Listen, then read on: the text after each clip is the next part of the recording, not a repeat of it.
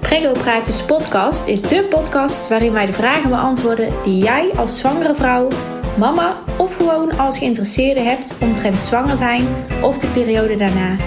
In onze afleveringen spreken wij zowel professionals, zwangere vrouwen als kerstverse mama's.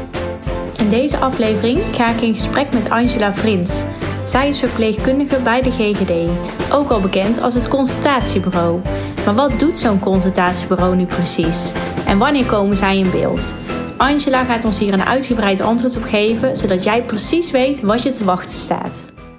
Laten we in ieder geval even beginnen misschien met uh, voorstellen, want Ja. ik ken je natuurlijk. Ja. Maar eh, vertel, Ja. wie ben je? Nou, ik ben Angela Frins, ik ben verpleegkundige bij de GGD. Eh, en eh, wij werken bij de GGD, bij de afdeling jeugdgezondheidszorg. Ehm, ik denk dat mensen dat vroeger beter kenden als het consultatiebureau. Dat is wel een begrip, denk ik, wat in, eh, ja, wat in de volksmond wel heel bekend is. Waar je gaat wegen en meten en de kinderen prikken gaan krijgen. En eh, je van alles te horen krijgt of het goed gaat of niet goed gaat. En dat heet voortaan jeugdgezondheidszorg. En wij doen ehm 0 tot 19 jaar. Dus we doen het consultatiebureau, schoolartsendienst en de contact op het voortgezet onderwijs. Dus we hebben een heel breed, ehm, breed gebied. En ik werk, eh, ehm, ja, ik denk al een jaar of eh, 20, 22 als jeugdverpleegkundige. Ik heb in de asielzoekerszorg gewerkt. Ik heb in Tilburg-Noord op het consultatiebureau gewerkt. En ik werk nu hier in de Hoogvenstraat sinds januari op het consultatiebureau. Oké, en je heet, nou, dus best breed, want ik wist Ja. inderdaad niet dat het ook tot 19 jaar Ja, was. Ehm, want ja, nou goed, voor deze luisteraars is het dan leuk als we het hebben over de, de eerste leeftijd. Hè? De, Mhm. wat, jij, wat jij net al aangaf, de zuigelingentijd. Ehm, hoe gaat het in zijn werk? Van iemand is net bevallen. Ja. Eh, nou goed, we weten dat de kraamzorg dan eh, daarna thuis komt, maar die week die houdt op een gegeven moment op. Ja. Wat gebeurt er dan? Ja. Op het moment dat jij bent bevallen, ehm, ga je je kindje inschrijven in de gemeente. En die basisgegevensadministratie, die komt hier bij ons aan, zeg maar, in ons computersysteem als zijnde er is een nieuw kind geboren. Dus wij weten eigenlijk al heel snel op dag drie, vier, vijf, dat er een nieuw kindje aan zit te komen, zoals wij dat noemen. Dan zit de kraamhulp erin, de kraamhulp stopt. En wij hebben de afspraak gemaakt in ons basistakenpakket, want dat is wat wij uitvoeren, dat er binnen de eerste 14 dagen een intakehuisbezoek plaats moet vinden door de jeugdverpleegkundige van de GGD bij de ouders thuis. Dus wij nemen contact op vanuit het systeem waarin eh, jullie kindje is ingeschreven. En wij gaan bellen of we sturen een mailtje met we willen een afspraak maken om voor eh, het intakehuisbezoek langs te komen. Ehm, dat doen we, dan maken we een afspraak, komen we langs. En in dat intakehuisbezoek gaan we met jullie praten, of met de ouders praten over hoe is de zwangerschap gegaan. Is het een eerste kindje? Is het allemaal goed gegaan? Waren er problemen in de zwangerschap? Van daaruit kom je uit in de bevalling. En hoe is de kraamtijd geweest? En, en meestal is de kraamhulp een dag of twee, drie weg als wij komen. En dat zijn best heel spannende dagen, want dan moet je het in één keer alleen doen. Hè? En dan in die dagen ontstaan ook vaak wel wel vragen over: leg ik het wel in bed of mag het huilen? Hoe lang mag het huilen?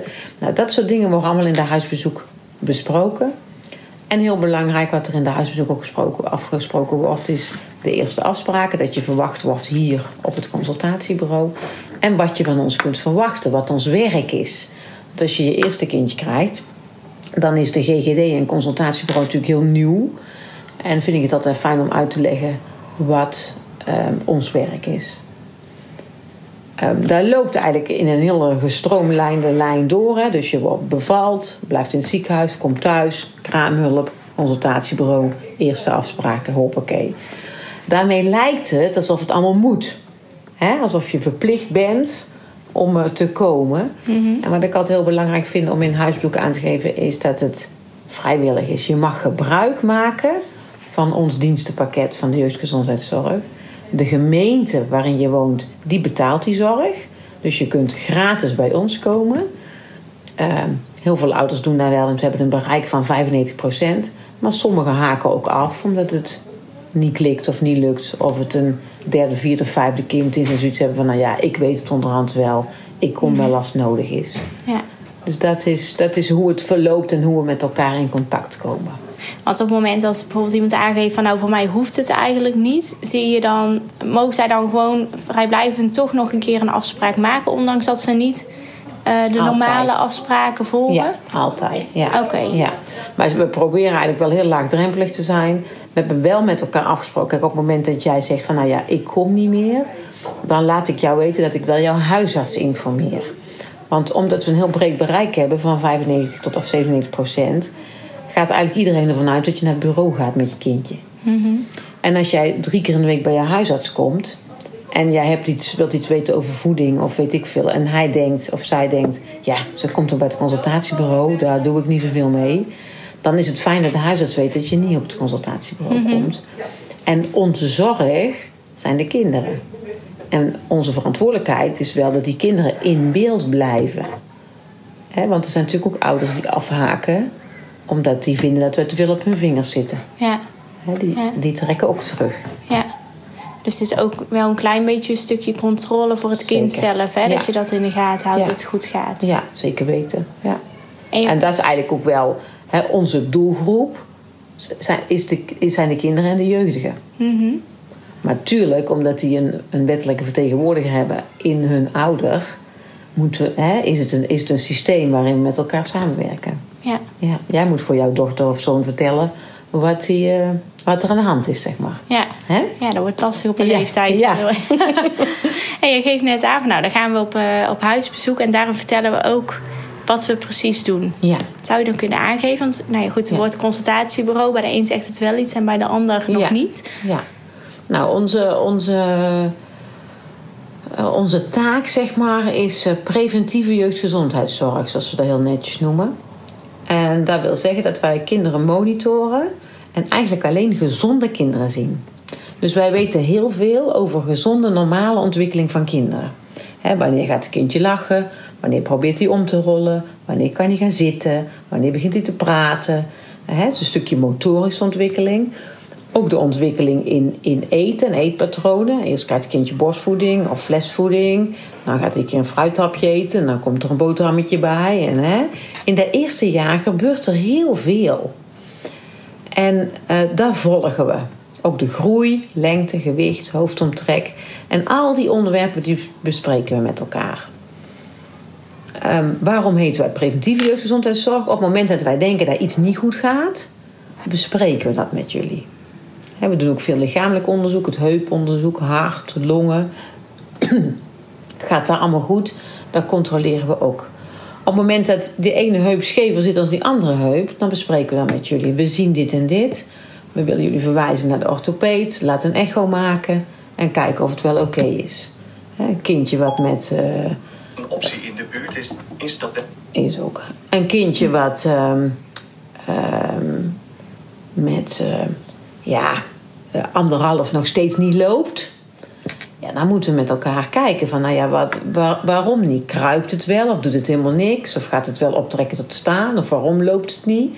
Is het zicht goed? Zit het in de beentjes? Hè, dat, is, dat is wat we met elkaar volgen. Dus dat is onze taak. Het is wel fijn inderdaad als je dan zulke afspraken hebt. Zelf als ouders heb je eigenlijk geen idee wat normaal is. Sowieso Nee. niet. Je hoort Nee. natuurlijk wel iets in je omgeving. Maar dat het hier dan wel gesignaleerd wordt. En dat je dus ook op tijd een soort verwijzing kan krijgen. Wat je al aangeeft. Ja. Want je weet als ouders zijn natuurlijk ook niet goed waar je naartoe moet. Nee. Als er iets niet goed is. Ja, ik denk dat je, dat je als ouders zijnde best weet of het goed gaat met jouw kindje. Hè, want je, je, je ziet aan je kindje of het lekker in de vel zit en of het goed eet en goed drinkt. En je ziet het ook wel groeien. Maar ik- ik ben het wel met je eens. Sommige dingen weet je niet. En dan kun je het een beetje afdoen met, oh, dat praten komt wel. Hè? want 2,5 zegt nog niks. Ja, dat is goed, maar, maar dat is echt wel een beetje te laat. En moeten we dan onderzoeken of er met die oren iets niet is? Of is er iets anders aan de hand? Ja, sommige dingen weet je, weet je inderdaad denk ik niet. Ja. Ja, of hoor je inderdaad dat het eh, wel van anderen om je heen natuurlijk wat normaal is. Hè? eh, bijvoorbeeld eh, bij zoveel eh, maanden gaat het kruipen, ik zeg Ja, maar iets. ja. En jouw kindje kruipt nog niet. Dan is dat wel fijn als je daar dan hier bij iemand die er wel iets van af weet. Ja, je kunt verifiëren, kunt- zeg ja. maar. Hè? En je kunt zeggen van, nou ja, daar zit natuurlijk een marge in. En als iedereen Ja. in jouw omgeving in één keer met negen maanden wel kruipt... terwijl ze met elf maanden pas hoeven te kruipen... dan denk je, oh, dat is niet goed. Ja. Dus soms, soms is onze taak ook geruststellen. Ja. Zo van, nou ja, weet je, oké, jouw omgeving is snel met kruipen, maak je niet druk. Ik zie al Hè, dat je kindje omdraait op de buik en dan probeert te tijgeren. Dus die ontwikkeling zit er wel in. Maar het zal misschien tien en een halve maand worden. In plaats van negen dat, het, dat ze kruipt. Ja, Ja. prima. Ja. Ook goed. Ja. Ja. ja. En dan heb je die afspraken hier. Kun je, om de hoeveel tijd heb je bijvoorbeeld je afspraak? Wanneer heb je je eerste afspraak? De eerste afspraak is met vier weken. Dat is een artsenconsult. En de arts kijkt het kindje dan echt ook helemaal lichamelijk naar. Dus de longen, de hart. Wat je soms de eerste drie maanden nog wel ziet, is een klein gaatje in het hart. Hè, waardoor je een hartruisje hoort. Dat gaat heel vaak vanzelf weer dicht. Maar als dat niet is, dan moeten we dat ook vroeg signaleren. Dus dat zijn dingen die met name in dat vier weken consult wel echt goed onderzocht worden. Oogstand, kijken of het, het, eh, het netvlies gesloten is, of dat allemaal oké is. Dus dat zijn wel heel belangrijke dingen die met vier weken consult gedaan worden. Het volgende consult is het acht weken consult. Dat is dan bij de jeugdverpleegkundige, dus het wisselt steeds af. De eerste keer de arts, dan de jeugdverpleegkundige, dan weer de arts en dan de verpleegkundige. En met het acht weken consult ehm, kijken we of het kindje een beetje kan volgen, of het kan lachen, hoe het met de voeding gaat, hoe het met de groei gaat. Dat zijn dingen die we met elkaar bespreken.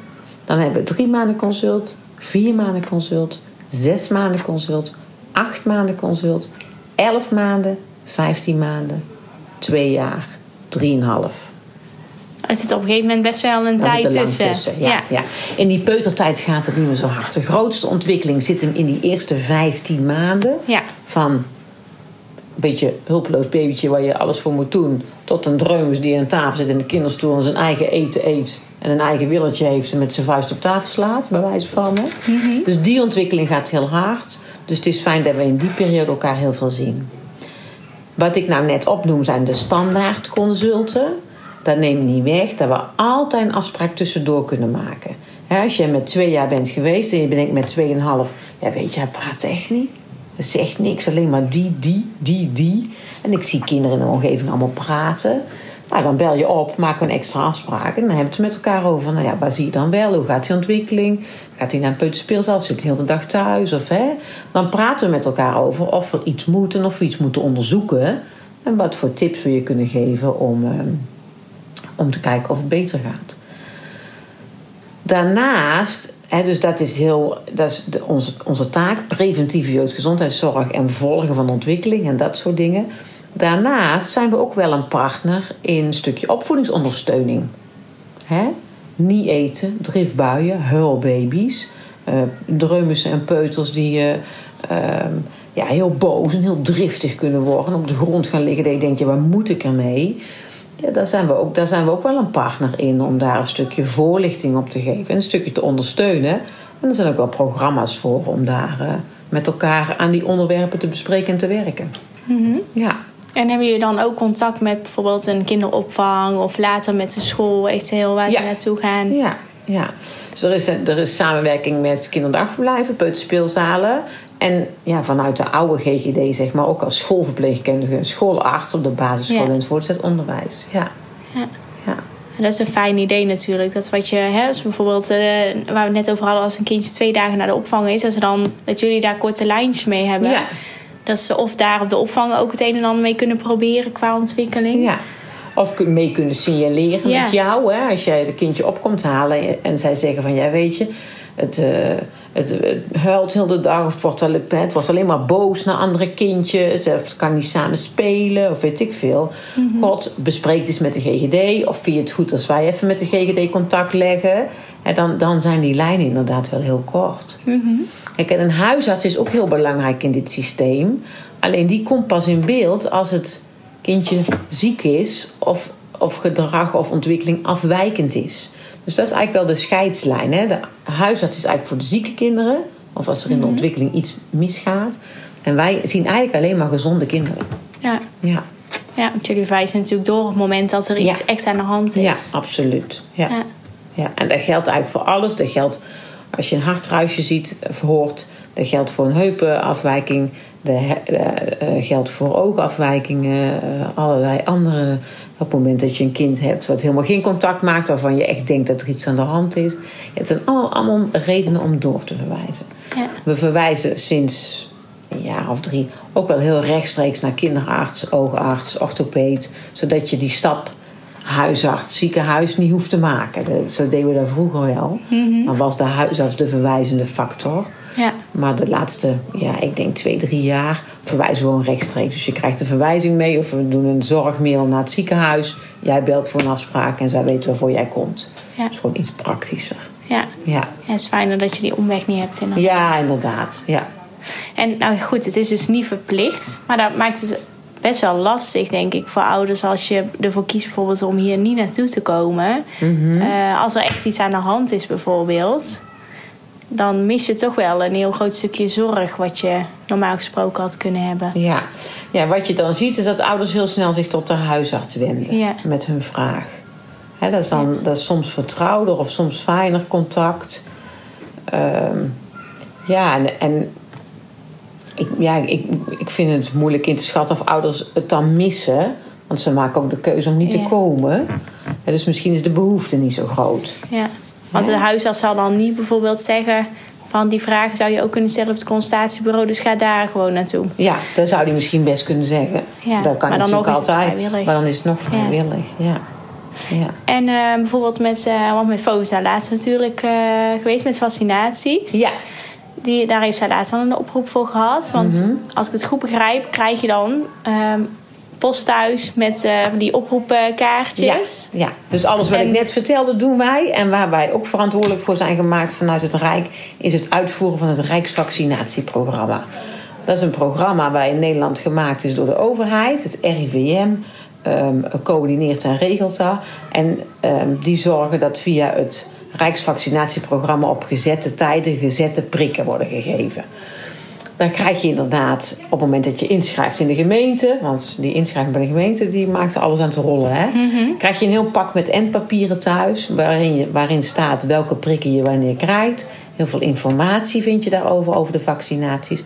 En tijdens de consulten die hier komt, wordt het va- vaccinatieprogramma uitgevoerd. Dus daar hoef je niet extra voor te komen. Het acht weken consult, het drie maanden consult, het vier maanden consult, het elf en vijftien maanden consult, sluiten we allemaal af met vaccinaties. Ja, En die zijn ook niet verplicht, zijn toch? ook niet verplicht. Nee. En die worden Nee. wel ook vergoed. Door het Rijk. Door, eh, Het Rijk betaalt die. Dus het Rijk maakt. We hebben een grote koelkast. Die wordt iedere maand eh, aangevuld door het Rijk. En daar betalen wij eh, als GGD niks voor. Daar krijgen we zelfs geld voor omdat we het uitvoeren. Ehm, en jullie als ouders hoeven ook niks te betalen voor die vaccinaties. En waar, ehm, eh, voor wat voor soort ziektes zijn die vaccinaties? Met name in de, in de zuigelingentijd. Dus die eerste vaccinaties zijn tegen difterie, tetanus, kinkhoest, polio, hepatitis B en de hip. En de hip is een, een vorm die inent tegen hersenvliesontsteking. Die zit in één prik. Daarnaast heb je ook nog de pneumokokkenbacterie. En daar is ook een vaccinatie voor. Dus ze krijgen eh, twee, drie en vier maanden en elf maanden twee prikken. Dan krijgen ze met 15 maanden nog bofmazelrode hond. En de meningokokken AWXI. Nee, AW, AWXI. Dat was vroeger alleen C, maar dat is sinds een week of zes een nieuwe vaccinatie. Ja, dus het is een type, meningokokken is een bacterie. En heb je de type C, A, W. En die types hebben ze een beetje veranderd. Ja. En nou heeft ehm, toevallig even, de- staat dan denk ik los van die vaccinaties hoor, maar eh, mijn heeft nou laatst waterpokken gekregen. Ja. Ehm, ook he- helemaal onbekend natuurlijk. Je weet dat je het vroeger wel eens hebt Ja. gehad, maar Ja. Wat houdt het precies in? Oh, Kun je er iets tegen doen? Of... Nee, helemaal niks. Waterpok is een, is, een, eh, is een kinderziekte die eigenlijk heel onschadelijk is. Ehm, op het moment dat je kinderen ziet met blaasjes, is het besmettelijk. Dan krijgen kinderen echt ja, waterpokken. Dus allemaal pokjes Mhm. op hun lijf. Eh, daarmee ehm, bouwen ze weerstand op. Waterpokken is eigenlijk wel heel belangrijk om te krijgen voor je weerstand. Als meisjes zijnde is het goed om eh, waterpokken te hebben gehad voordat je zwanger raakt. Hè. Een rode hond vaccineren op 14 maanden is ook voor de toekomst heel belangrijk. Dus waterpokken is eigenlijk een hele onschadelijke kinderziekte. Er is wel eens een discussie over gegaan om, om een vaccin voor te maken. Maar dat is meer een eh, economische reden, zeg maar. Hè? Zodat je je niet ziek hoeft te melden omdat je kind ziek is en dat soort eh, capriolen. Waarvan we, ja, het merendeel in de overheid wel gezegd heeft: jongens, dat gaan we niet doen. Eh, dat is een verkeerde reden om, eh, om kinderen te gaan vaccineren. Ja. Hè, dat is niet de moeite waard. En niet, dat moet je niet willen. Ehm, een, een hersenvliesontsteking is natuurlijk een veel ernstigere ziekte. Mhm. Hè, waar je aan kunt overlijden als kind. Dus, dus die zitten dan wel in een rijksvaccinatieprogramma. Ja. Wat jij zegt over ehm, ze zijn niet verplicht. Nee, ze zijn niet verplicht.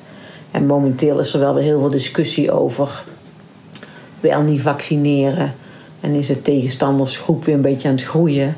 En zie je dus een klein beetje afname van de vaccinatiegraad in Nederland. En dus voorheen hadden we wel 97, 98 procent van de kinderen die gevaccineerd waren. En er zijn er nu nog maar 3, 4, 95 procent. Dus dat neemt wel een beetje af. En wat hebben zij dan als beweegreden dat eh, die vaccinaties niet... Ja, dat is, dat is heel uiteenlopend. Ze vinden kinderen te klein. Kinderen krijgen er eczeem van. Kinderen worden er autistisch door. Ja, dat, dat zijn dingen die zij eh, benoemen als tegenargument. Hm. Ja. En je benoemt autistisch, maar kan dat? Kan dat door die ja, dat is wetenschappelijk niet bewezen. Oh, Nee. Dus die is dat, ook echt nieuw voor mij. Ja, ja dus dat, ja, daar, wordt, daar wordt dan wel aan gehaald als, ehm, als eh, argument. Maar er is geen wetenschappelijk onderzoek voor wat dat, eh, wat dat aantoont. Ja. Ja. Want kindjes kunnen wel last van hebben, hè? Toch als ze ja. prikjes hebben gehad. Ja, wat je doet met vaccineren is dat je eigenlijk verzwakte ziektekiemen inspuit. Dus je maakt een kindje een beetje ziek. En waarom doe je dat? Dat doe je zodat het lichaam antistoffen gaat aanmaken tegen die ziekte. Dus komt die ziekte op je pad, dan bedenkt dat lijf: hé, hey, die heb ik al eerder gehad. Dus die kan dan heel snel antistoffen aanmaken en kun je dus weerstand bieden tegen die ziekte. Ja. Dus op het moment dat je vaccineert, ja, kunnen kinderen daar last van hebben. Die worden een beetje ziek. Mhm. En dat is heel licht, omdat er verzwakte ziektekiemen zijn. Ehm, en dan zie je in een beetje verhoging of wat koorts, een beetje jengelig. Ja, dat, is, dat duurt een dag. En na die dag is dat ook over. Maar dat klopt wel. Kinderen kunnen er wel een beetje last van hebben. Ja. En, ehm want met die eh, prikjes, ik weet nog met Fovia, die vond het natuurlijk helemaal niet leuk, Nee. zo'n prikje. Zijn er dingen die je als ouder zijn dan daarna kunt doen, wat eventueel zou helpen? Hebben ze bijvoorbeeld pijn op bepaalde plekken waar het prikje Ja, je is gezet? Of, ja, je spuit die eh, vaccinaties in de bovenbenen, dus in de bovenbillen. Eh, en die spuit je in de spier. Dus wat op zich wel fijn is, is als je daar zachtjes masseert of een heel klein beetje koelt, dan is dat voor sommige kinderen wel een verlichting. Eh, je moet dat niet te koud maken. Soms komen mensen met ijscompressen aan. Maar dan, dan verkrampen heel die bloedvaten. Dan komt er ook geen bloeddoorstroom. En dan slaat dat een beetje op slot. Ja, dus dat is niet zo'n Ja. goed idee. Maar gewoon een beetje masseren. En verder heel de dag gewoon knuffelen. Dat is het beste om te doen. ja. En als ze echt koorts krijgen, dus als ze echt eh, 38,5, 38,6 die temperatuur oploopt, is paracetamol geven gewoon een goeie. Die tempert dan een beetje die koorts, waardoor die niet torenhoog wordt. Mhm. En, en natuurlijk geeft parace- paracetamol ook een beetje pijnverlichting. Ja. Ja. En dan paracetamol. Ehm, mogen babytjes... Zijn daar speciale... ja, eh, paracetamol zetpilletjes. Ja? En die mogen van 120 milligram zijn. Dus dat is zeg maar 1 vierde van, eh, van een gewone paracetamol, zeg maar. Ja. Ja, dat is wel goed om te weten Ja. dat iemand zo eh, Ja, paracetamol heeft. En een, eh, en een zetpil is fijn, die kun je makkelijk inbrengen, die werkt snel. Mhm. Dus die twee combinaties maakt eigenlijk dat je kinderen paracetamol zetpillen geeft. En wanneer spreken jullie dan, bijvoorbeeld als een kindje een prikje heeft gehad en die heeft verhoging, wanneer spreek je dan echt van koorts bij een kindje? Dat je dus bijvoorbeeld zo'n zetpil. eh Ja, boven de, dus tussen de 37,5 38,5 noem je verhoging. En boven de 38,5 noem je koorts. Ja. Maar bij kinderen kan die koorts soms heel snel omhoog schieten. Kinderen kunnen echt makkelijk 40, 41 graden koorts krijgen. Eh, en doordat je paracetamol geeft, temper je dat een beetje. En dat is heel fijn voor een kindje. ja, Ja, ja, zeker als ze er last van hebben, inderdaad. zeker. Ja. En dan, nou ja, goed, eh, over gesproken, als ze ergens last van hebben. We hebben nu natuurlijk met de warmte. Ehm, daar kunnen baby's ook last van hebben. Zeker. Komen jullie daar veel tegen hier op de consultatie, dat ze ouders daar vragen over hebben? Ja, ouders hebben met name heel veel vragen over... moet mijn kindje extra drinken? Moet hij extra water Ja. krijgen? Extra vocht nu, die, eh, eh, nu het zo warm is? Ehm, Kleine kindje eigenlijk niet. Dus kindjes tot drie maanden hoeven niet zoveel extra te drinken. Die drinken vaak nog wel vijf, zes keer. Of aan de borst. Leg een keer extra aan aan die borst. Een zevende keer, prima. Hè, maar die vijf, zes keer dat ze een flesje drinken... daarvan is eigenlijk 150, 180 cc per keer is ook water. En dat is eigenlijk genoeg. Op het moment dat je denkt ook dat het een beetje last heeft... of toch wel wat behoefte heeft... dan is een paar theelepeltjes water eigenlijk genoeg om te geven. Dus hoef je geen 20, 30 cc in een flesje. Ehm, alles wat je geeft aan water vult ook die maag. En dan maakt ook dat het minder voedingsstoffen op kan nemen. Als je de fles, weer tijd is voor de fles, zeg maar. Hè. Dus heel makkelijk iets extra's hoeft eigenlijk niet per se. Oké. Nee. En iets anders om af te koelen? Ik kan me voorstellen dat ouders bijvoorbeeld ook iets eh, in het nekje leggen of zo qua Bijvoorbeeld, koelen. ja. Mag dat gewoon? Dat mag. Ehm, hou kinderen vooral uit de zon. Zit in de schaduw toch insmeren. Ehm, niet te veel aankleden. Een mouwloze romper. Ja. Gewoon eh, lekker in de box eh, buiten of in de wandelwagen buiten. Geen lakens of dekens eroverheen. Ja. Ja, eh, gewoon ook weinig aankleden. ja. Hè? En je zegt dan wel insmeren ook als ze in de schaduw liggen. Ja, Dus ja. ja, dat is op zich logisch natuurlijk. Want zelf kun je in de schaduw ook wel eens bruin Ja. worden. Dus dat betekent dat het toch iets van straling... Ja, ja. En zo'n babylijf heeft natuurlijk nul straling gehad, nog niet. Ja. Dus dat is zo gevoelig, dat huidje. Kijk, als wij zo naar buiten lopen, je vergeet je in te smeren... dan verbrand je ook als je in de zon gaat zitten. Ja. Maar in de schaduw lukt het dan nog wel. Ja. Hè? Maar zo'n klein lijfje heeft helemaal nog geen zonlicht gezien. Mhm. Dus alles komt rechtstreeks binnen. Dus echt beschermen, factor 50. Gewoon bijna sunblokken erop smeren. Mhm. Ja, want dan zeg je factor 50. Waarschijnlijk een vraag die je al heel vaak hebt gehad. Hoor. Maar je hebt natuurlijk verschil tussen van die baby... ehm zeg het zonnebrand ja. en eh, gewoon voor volwassenen. Maakt dat nou ook echt verschil? Ja, want die, je- ba- ja. die zijn ook echt een stuk duurder natuurlijk. Ja, ja. Maar dat maakt dus echt verschil. Ja. Dus het is echt voor baby's. ja. En dan hoef je echt geen duur merk. Als je gewoon het kruidvat of etas eh, baby zonder brand koopt, ook goed. Er hoeft echt geen... eh, eh, ik weet het allemaal niet wat voor merken er zijn, maar van alles en nog wat. Dus gewoon een huismerk van een drogist is ook prima. Maar je moet wel kinder, ehm, kinder of baby eh, zonder kopen. Want er zitten dan andere stoffen in. Ja, Of... ja. Er zit een iets andere verhouding in, in, de, in de filter, zeg maar. Ja. Oké. Ja. Nou, het is goed dat je daar aangeeft. Ja. Ze hebben ook echt van alles geprobeerd natuurlijk. Met die warmte inderdaad. Even zo'n Ja. koudere doek in de nek leggen. Sowieso in het rompertje of in de pamper laten liggen. Ja. En je kunt die kleintjes hè, vanaf 2,5, 3 maanden best een keer mee in het water nemen. Gewoon in een, in een, eh, een badje op de plaats staat of in een, eh, in een zwembad. Een natuurbad zou ik voorzichtig mee zijn. Ehm, maar kom dan uit het zwembad, droog zo'n kindje af. Leg het dan heel even in een handdoek, dat het weer Ja. een beetje op temperatuur is. En dat maakt ook dat het afkoelt. Heb je dat niet bij de hand, dan ben je gewoon thuis. En dan ga een keer extra onder de douche staan. Ja. Gewoon lauw warm water even douchen of een, of een badje buiten zetten. Gewoon een babybadje wat je gebruikt. Of een, een eh, tummy tub emmer of weet ik wat je in huis hebt. Ja. Even dompelen, afdrogen, dan is een kindje ook afgekoeld. Dat is ook lekker. Ja. Ja, ja. Dan hebben wij dat geprobeerd met Swoon in het gewone zwembad. Maar dat vond ze niet. Nee, eh. vond ze niet leuk. En dat kan ik me op zich wel voorstellen. Natuurlijk als die temperatuur van 36,5, 37,5 Ja. gewend zijn qua Ja. bad. Ja, dan is het wel koud water. Dan is het hè? wel heel koud als ze dan ineens helemaal... eh, Ja. En dan door de zon. ja, Dan, ja eh, is extra koud. wennen. Ja, inderdaad. Kun je ja. zelf natuurlijk ook, als je het heel warm hebt en je gaat voor het eerst in het zwembad, dan is het ook Ja, extra spring je koud. niet in, hè? Dus ja, Nee, dan. en eh, zie je precies weer het trappetje. Je denkt van, ga ik erin, ja of nee? Ja. ja. zo hebben wij ook geprobeerd om bijvoorbeeld eh, eh, met dat baby zwemmen. Hebben we laatst ook een keer geprobeerd. Ja. Maar ook dat, het water is niet het water eh, waar ze normaal mee in bad gaan qua temperatuur. Volgens mij was het iets van 30 graden bij het baby zwemmen. Maar dat vinden Mhm. Maar ze het ook is, niet altijd. nee, maar het eh, is wel verwarmd inderdaad. Vaak. Als je echt naar Ja. zo'n speciale cursus babyzwemmen gaat... of zo'n speciale ochtend, zeg maar... dan is het water wel warmer dan anders inderdaad. Mhm. Ja. Maar misschien vindt ze zwemmen gewoon niet zo leuk. Dat is ook een optie. Ja, Ja. dat, is ook een, dat kan ook. Nou, heel even nog terugkomen op die... ehm, we hadden het straks over wat er bij afspraken veel besproken wordt. Ja. Jij gaf net ook aan van nou, hè, dat, we, dat jullie advies geven over...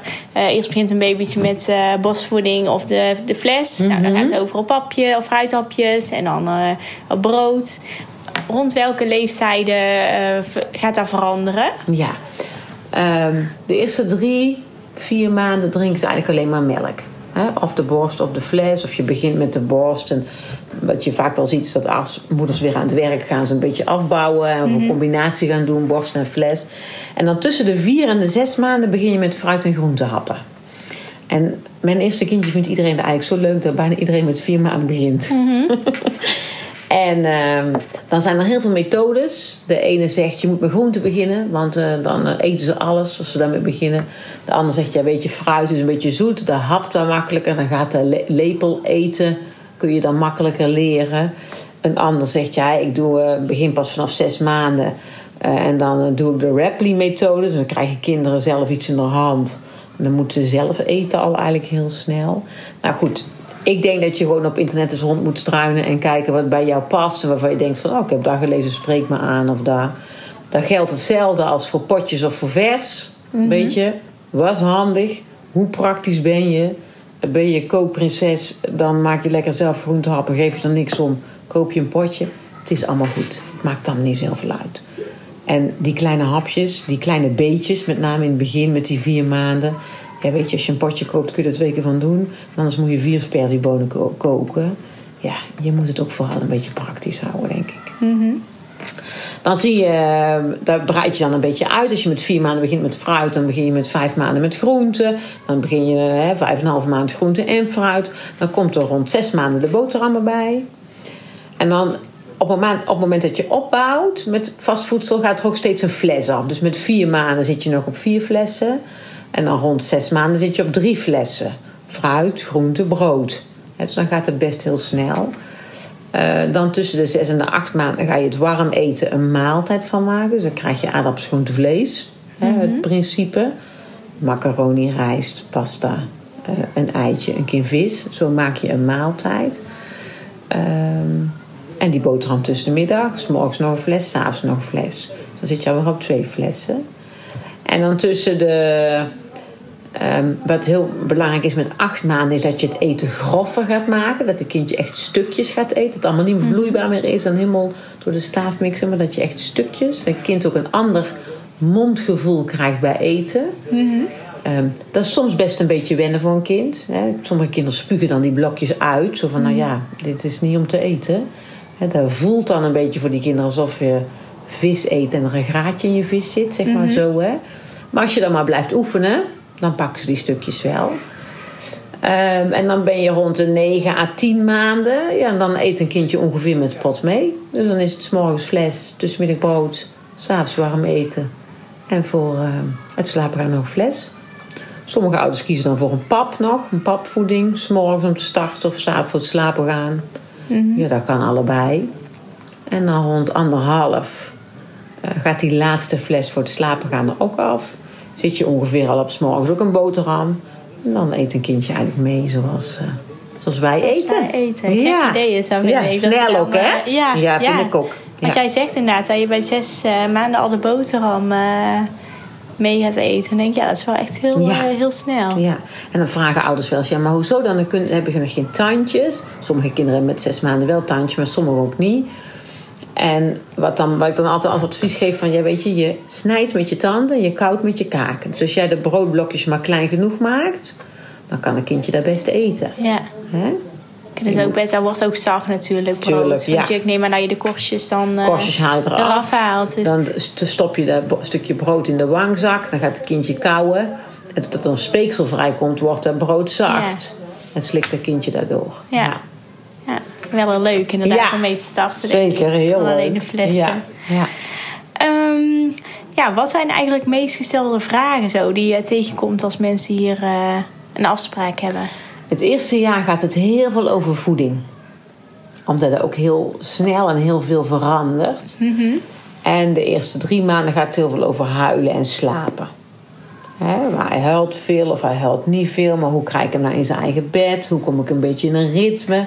Er zijn wel heel veel onderwerpen die, eh, die besproken worden het eerste jaar. Dan na het half jaar, een maand of acht, negen, wordt het kindje een beetje een- eenkennig. Dus als jij wegloopt, dan begint het te huilen. En dan komen er veel vragen over de ontwikkeling. Van ja, maar die eigen wil en wat moet ik dan doen? En wanneer moet ik wel toegeven? En wanneer moet ik het negeren? En eh, dat zijn dan wel heel veel gestelde vragen. Ehm, en, het, en ja, rond het jaar gaat het ook best veel over het lopen. Wanneer gaat hij lopen? Hè, hij kruipt nog niet. Wat moet ik doen? Op een gegeven moment wil je ook dat het kind gaat lopen. Dan vraagt je omgeving ook van, loopt hij nog niet? Loopt hij nog niet? Dan denk je, oh ja, dat moet toch aan de gang. Hè? dus, dus zo verschuiven die onderwerpen steeds wel een beetje. Ja. Wat ik heel vaak doe, ik heb natuurlijk voor bepaalde leeftijden wel ook punten in mijn hoofd. Dat ik denk, nu moet ik weten hoe dat gaat. Hè? Voor een stukje ontwikkeling. Een stukje screeningsinstrument om te kijken of een kind niet een achterstand aan het oplopen is. Maar ik begin altijd met, zijn er vragen of onderwerpen die jullie als ouders willen bespreken? Want die moeten als eerste aan bod komen. Zodat als je hier naartoe komt met een vragenlijstje of met dingen in je hoofd, dat je ook naar buiten gaat en dat je denkt: oh ja, ik heb alles kunnen bespreken. En als ik dan nog iets wil vertellen over wat er aankomt in ontwikkeling of waar je rekening mee kunt houden, ja, dat kan dan altijd nog, zeg maar. Ja. Hè? We hebben per consult 25 minuten de tijd met elkaar. Dus je hebt best lang tijd om dingen met elkaar te bespreken. ja, dat is best wel even inderdaad. Ja, ja absoluut. Ja. En ze kunnen jullie ook altijd bellen mocht er iets eh, Ja. zijn. Of Ja. zeggen jullie nou, ik heb liever dat je die vragen bewaart. Nee, je kunt naar de GGD bellen. Ehm, daar zitten altijd verpleegkundigen aan de telefoon. Dus eigenlijk alle dagen van de week is daar iemand bereikbaar. Ehm, ik werk ook wel veel met mail. Ik heb een mailadres. Ik stuur vaak een bevestiging van onze afspraak met de mail. Dus die mail kan gebruikt worden om een vraag te stellen. Nou, de een doet dat wel, de ander doet dat wat minder. En we hebben iedere week, eh, en dat heeft eigenlijk elke consultatiebureau, locatie eh, wel, een inloopspreekuur. Dus één keer in de week zijn we een uur open en dan kun je gewoon komen zonder afspraak. Als er iets is, een plekje op de huid, een voeding waar je niet helemaal uitkomt, of een voedingsschema waar je denkt van nou, brrr, ik heb dit nou meegekregen vorige keer, maar het loopt helemaal mis. En waar het inloopspreekuur de eerste twee, drie maanden heel veel voor gebruikt wordt, is om kindjes extra te wegen.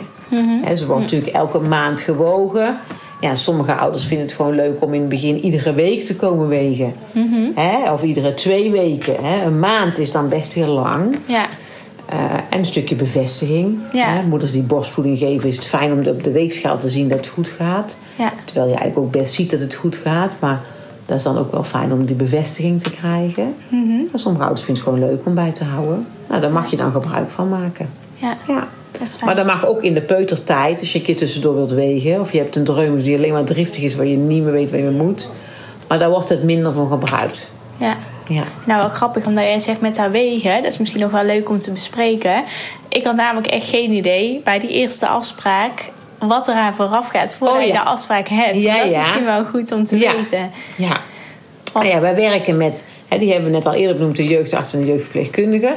Maar heel belangrijk in ons team is ook onze assistenten. Hè, dat is onze gastvrouw, zeg maar. En op het moment dat je op het consultatiebureau binnenkomt, dan ontvangt de assistent je en die vraagt jou om je kindje uit te kleden. En die gaat het kindje mee wegen, meten en die meet ook de hoofdomtrek. En dat gaat allemaal in de blote kont. Dus het kind ligt in de blote kont op de weegschaal. En, hè, dus het is fijn als je een badcape meeneemt of een handdoek of een schone luier. Want als je die luier die aan is uitdoet en die is helemaal ondergepoept. En dan zit je daar te kijken met je spullen. Hè, dus het is fijn als je heel je spullen meeneemt. Je luier en je baddoek en eh, voor mij wat schone kleren of weet ik wat je in je luiertas hebt zitten. Hè, maar dat is fijn dat je die meebrengt. Ja. En onze assistente maakt ook weer de afspraak voor de volgende keer. Zodat je als je hier weggaat, je ook weer weet wanneer je de volgende keer weer terug verwacht wordt. Ja. Ja. En misschien qua tijdstip, 10 minuten van tevoren. Ja, dat zou zijn. misschien iets makkelijk zijn. Ja, weet Vooral je, bij de eerste keer. Ja, nou vooral bij de eerste keer. Wij lopen natuurlijk ook wel eens uit. Dus soms moet ik op jullie wachten en soms moet je op mij wachten. Ja, weet je, dat is dan zo. Mhm. Je zult ook best de afgelopen drie maanden gemerkt hebben dat je ergens een afspraak hebt. En het moment dat je de deur uit moet, dan Ja. hè, zul die broek ondergepoept. En dan denk je, ja, ik ga ze toch eerst verschonen. Dan gaan ze niet met de, met de bil in de poep in de maxicosi zetten. Mhm. Ja, dan kom je ergens te laat aan. Ja, zo gaat dat met een kindje. Ja. Daar moet je, iets, eh, moet je even handigheid in krijgen hoe je dan eh, op pad gaat, inderdaad. Ja. Nou, dan denk ik, ja, ik heb wel een goed beeld van, eh, van het consultatiebureau zelf. Nou, wat ik. jullie doen. Heb jij nog dingen dat je denkt, nou, dat moeten ze echt weten voordat ze een afspraak hebben? Of Ja, ik, ik denk dat het fijn is dat, dat je als ouder weet dat je gewoon voor alle vragen. Hè, sommige mensen hebben groot netwerk, dan kun je aan je vrienden of familie vragen. Maar als je dat niet hebt, of je denkt: ik wil dat niet, ik wil gewoon on- een onafhankelijk advies. Dat je eigenlijk met heel veel dingen bij de, bij de jeugdgezondheidszorg, bij het consultatiebureau terecht kunt. En niks is stom. En als je ons belt, dan bel je. Wat, wat ehm, altijd kan, is dat we op indicatie een afspraak kunnen maken.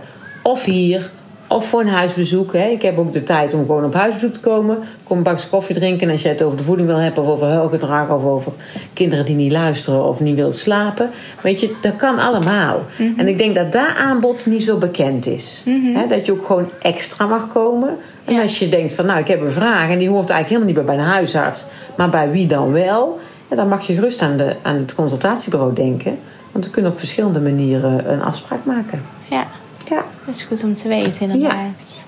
Nou, dan ga ik jou eh, bedanken voor de informatie. Dat het heel nuttig is. Dus dan, eh dankjewel. Alsjeblieft.